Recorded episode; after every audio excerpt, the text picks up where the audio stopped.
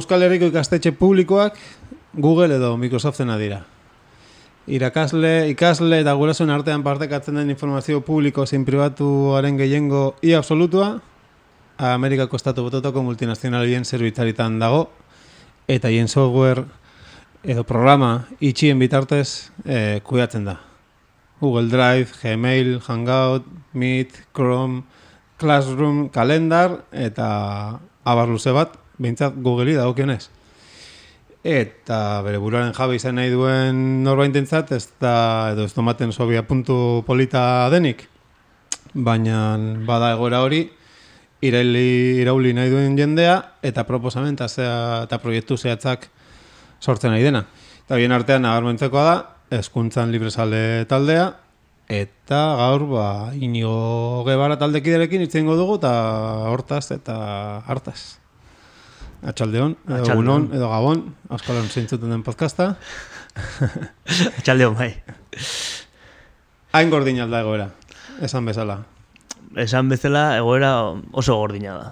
E, gaur egun ikastetxeen euneko haundi, haundi, haundi batean edo gehienetan edo guztietan esango nuke bai Microsoft edo Googleen ba, aplikazioak erabiltzen direla eta eta hori horrela da.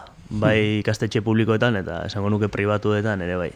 Oso ondo asmatu dute enpresa hauek e, e, hezkuntzaren negozioan sartzen eta badirudi ba oparitzen dituztela haien produktuak, baina baina denek badakigu zerrekin pagatzen ditugun, ez? E, aplikazio edo tresna horiek. Hezkuntza publikoak, diru publikoarekin ordaindutakoa jabetza publikoa sustatzen ditu. Ustez. Orduan nola utzi dugu prozesu horretan negozio pribatuak hain barruraino sartzen.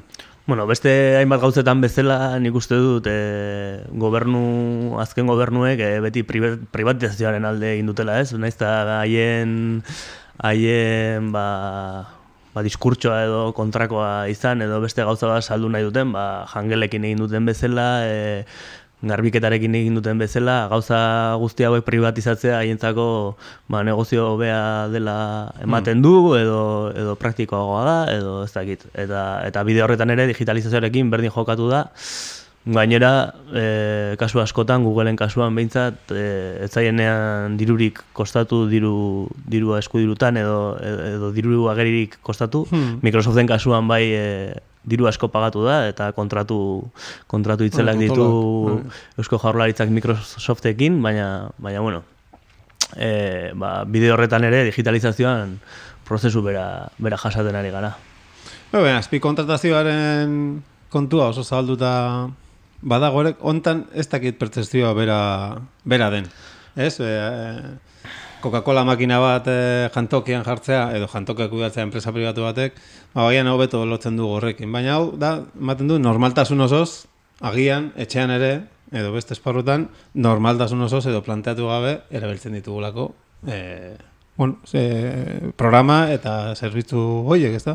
Bai, e, gure kasuan ba, ba hori da handicap bat, ez? Azkenean e, jendeak hainbeste erabiltzen ditu, enpresa hauek oso ondo jakin dute bai hezkuntzan sartzen, baina baita gure bizitzetan gu konturatu gabe e, modu doako tasun horrek ematen duen arrestasun horrekin, ez? Eskaintzen dizkigute tresna pila bat, uste dugu ez dugula pagatzen, pagatzen dugu gure datuekin, publizitatearekin eta bar, baina baina sartu dizkigute hain barruraino eta egunerokoan hainbeste erabiltzen ditugu, zeinen hezkuntzan sartu denean ere, ba, ba naturaltasunez eh, asimilatu ditugu, ez? Eta, eta hori bai da handicap bat. Nik uste dut ba, beste esparru batean esango bagenu ba, McDonaldsek eh, jangela kudeatuko dituela mundu guztiak e, burura eramango lituzkela eskuak, baina, bai- baina Google eta Microsoft antzeko, antzeko enpresak dira, e, gure datuekin eta gainera datu oso, oso sensibleekin dan egiten dutena gaur egun, ikasleen datu sensibleekin eta eta irentsi egin dugu. Irentsi egin dugu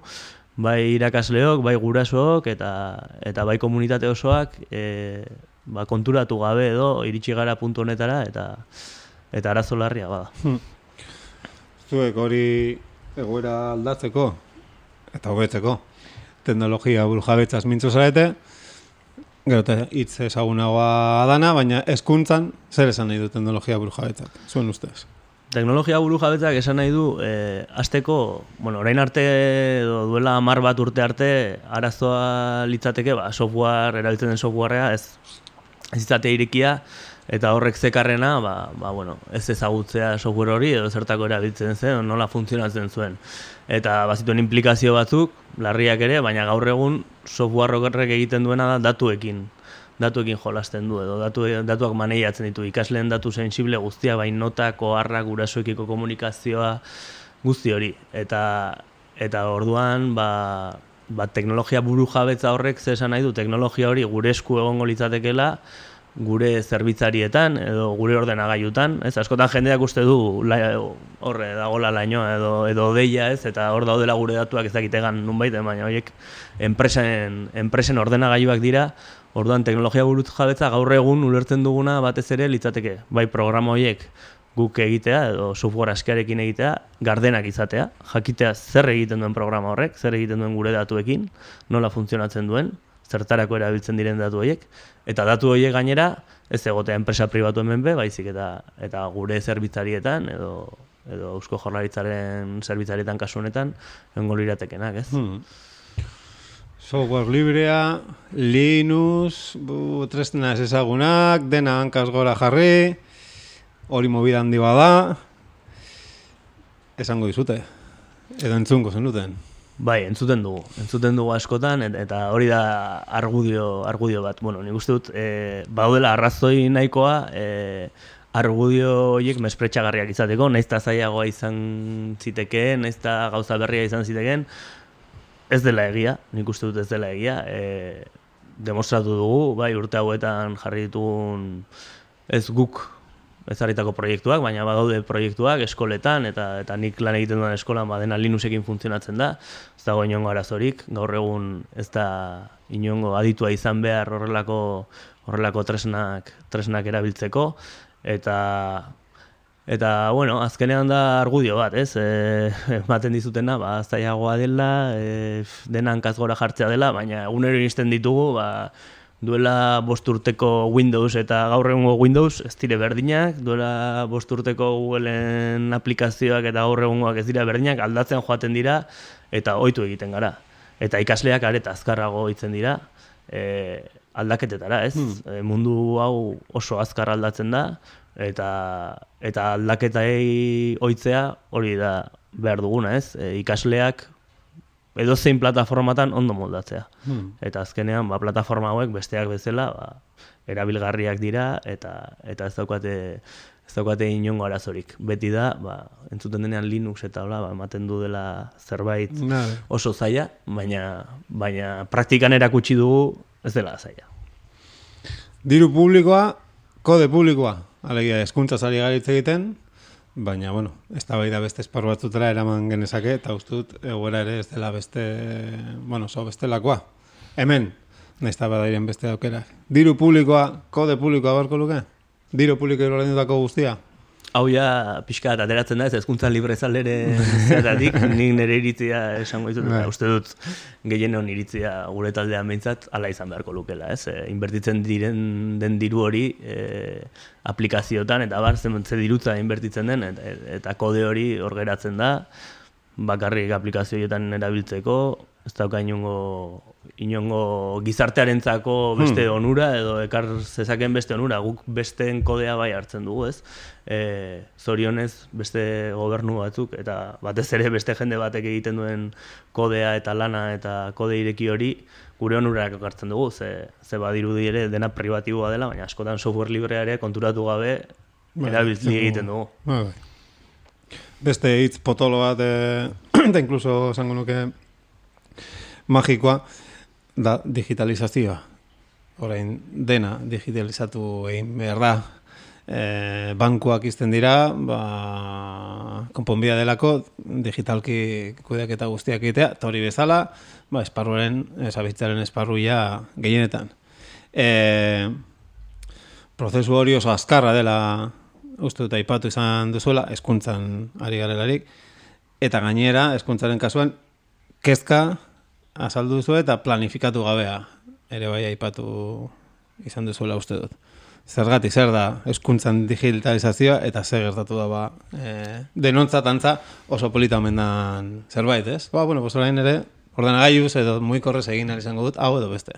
Bai, bai, ezkuntzan digitalizazioa planteatzen denean, bueno, bintzat e, goi esferetatik edo, beti berrikuntza bezala planteatzen da, digitalizazioak digitalizatzeagatik onura ekartzen duela, baina hori ba, argi dago ez dela horrela eta eta horren inguruan badi daude ikerketak e, gure gazteek eta ezain gazteek ditugun edo dituzten arazoak e, egun guztia pantailaren aurrean egoteagatik beste gaitasun gainera gait, oinarrizko gaitasun batzuk e, lantzeko ba, ba kapazitateak entzen digu, ez? E, dena digitalki egiteak eta eta ba, Silicon Valleyko ba, nagusiek ere ala ikusi dute bere seme alabek askotan ematen dituzte digitalizatu gabeko eskoletara, ez?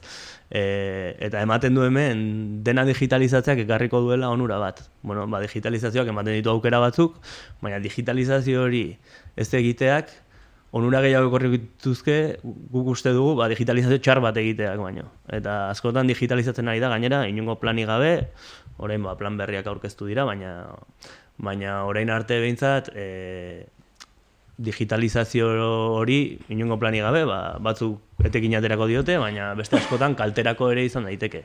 Eta ematen du ba, ezkuntza akordio berrian ere, e, gero eta gehiago digitalizatzea hitz egiten dira. Eta hori guretzako ba, ba, katx oso larria da. Hmm. Ja, nahiko digitalizatzen da, edo, bueno, edo aztertu beharko dugu behintzat, noraino digitalizatzea denona eta noraino ez denona. Hmm. Zuk esan bezala, ba, orain ez da, bueno, ez da gai.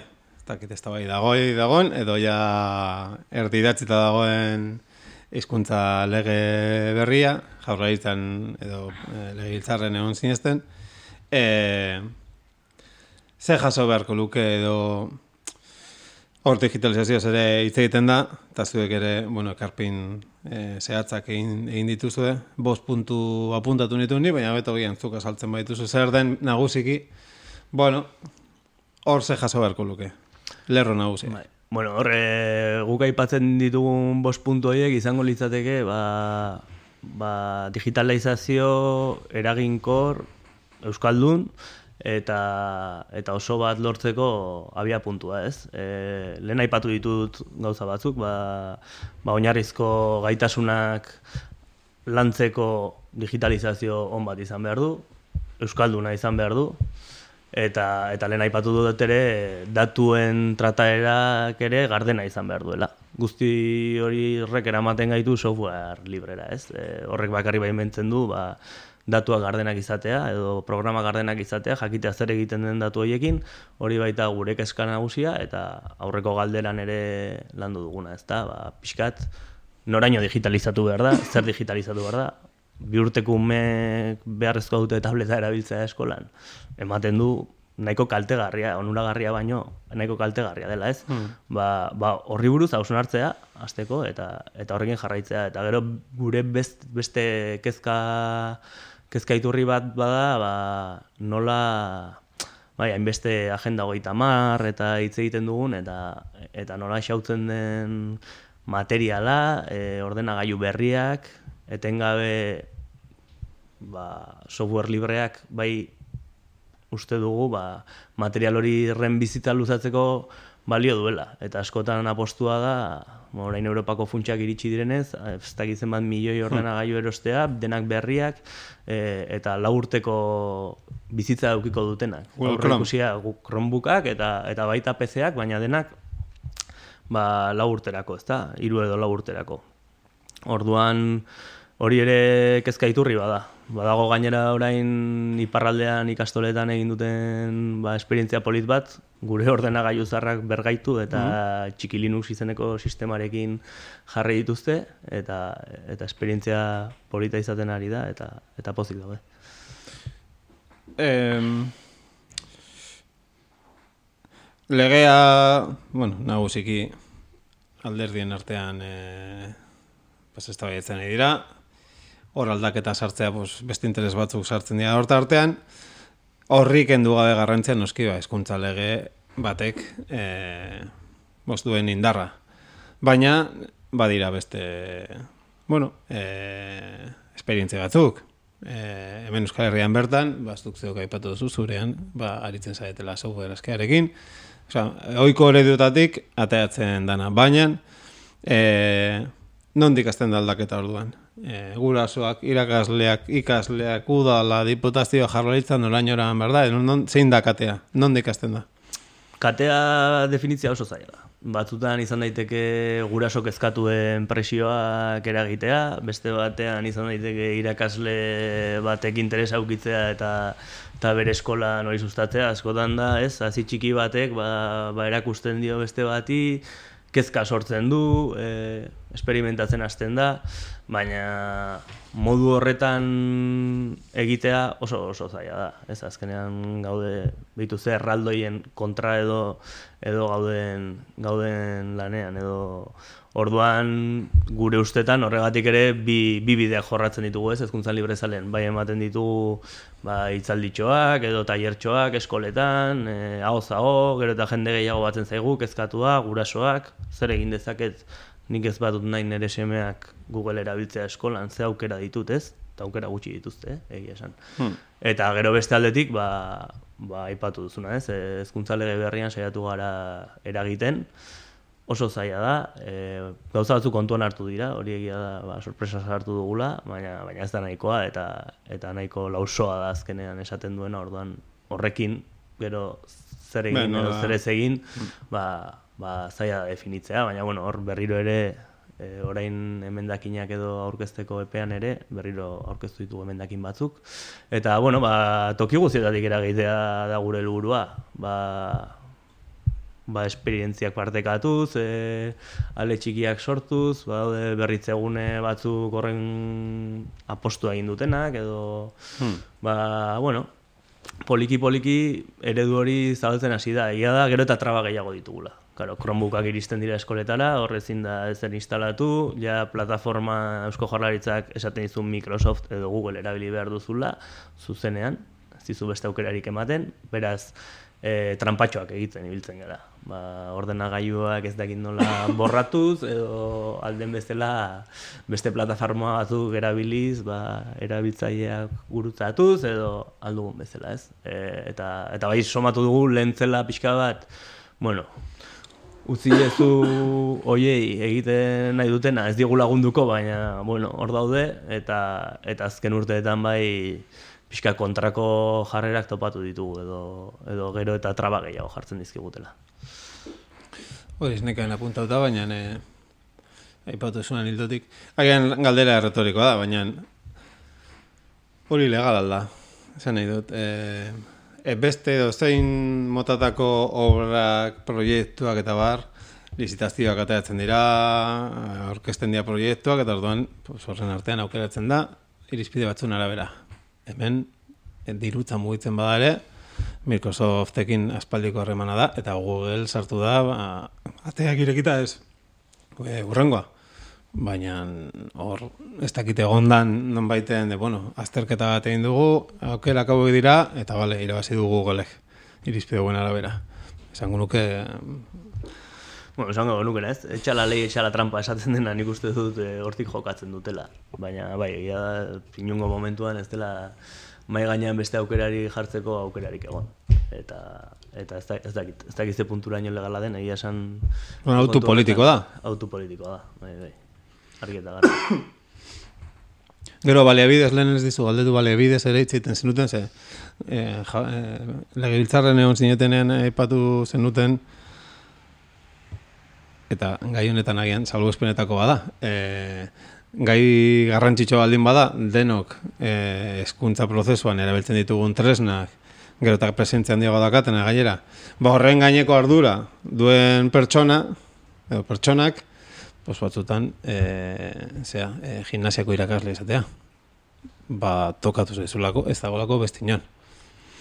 E, hori, hori ez dakit beste arlotan gertatzen den, baina hainbesteko piso baldimaka digitalizazioa, horrekin lotutako baliabideak ere on giza baliabide kasu hontan, baina besteak ere bai. Bai, giza baliabide aldetik gargi dago, ba hor utxune, utxune galanta dagoela. E, ez dago prestakuntza hola berezirik, bueno, esango dizute bai, ez? Prestakuntzaren bat egiten dela, baina baina ez da nahikoa eta eta alde batetik zenolako digitalizazioa nahi dugun eskola bakoitzean erabakiko duen pertsona bat e, hori izan daitekela pedagogo edo irakasle ba, zera ez, e, profila edo eskatuko genuke, baina baita teknikari bat zeinek trasteatuko duen, e, konponduko duen, eta gure beharrak asetuko dituen. Gaur egun lan guzti hori pertsona bakarrak egiten du, eta zuk esan duzu bezala, izan daiteke gorputz ezkuntzako irakaslea, e, musikako irakaslea, edo tokatu zaiona, pixka eta ordenagailuekin ibiltzea gustatzen Mm. zaiolako, besterik gabe. Eta, eta kaso askotan, jende honek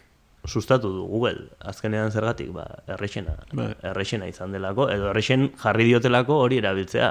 Ez errexagoa delako berez, baizik eta formakuntzak antolatu dituztelako, Eusko Jaurlaritzaren aldetik eh, Google formakuntza, Microsoft formakuntzak, eta guzti hori Eusko Jaurlaritzatik eta berritzegunetatik zabaldutako e, tresnak dira. Ez dauka errua tokatu zaionari ba, hori esan badiote, ba, zergatik ez, hori erabili ez. Oso aldunduta egon behar duzu agian eh, hortik aterateko, ez?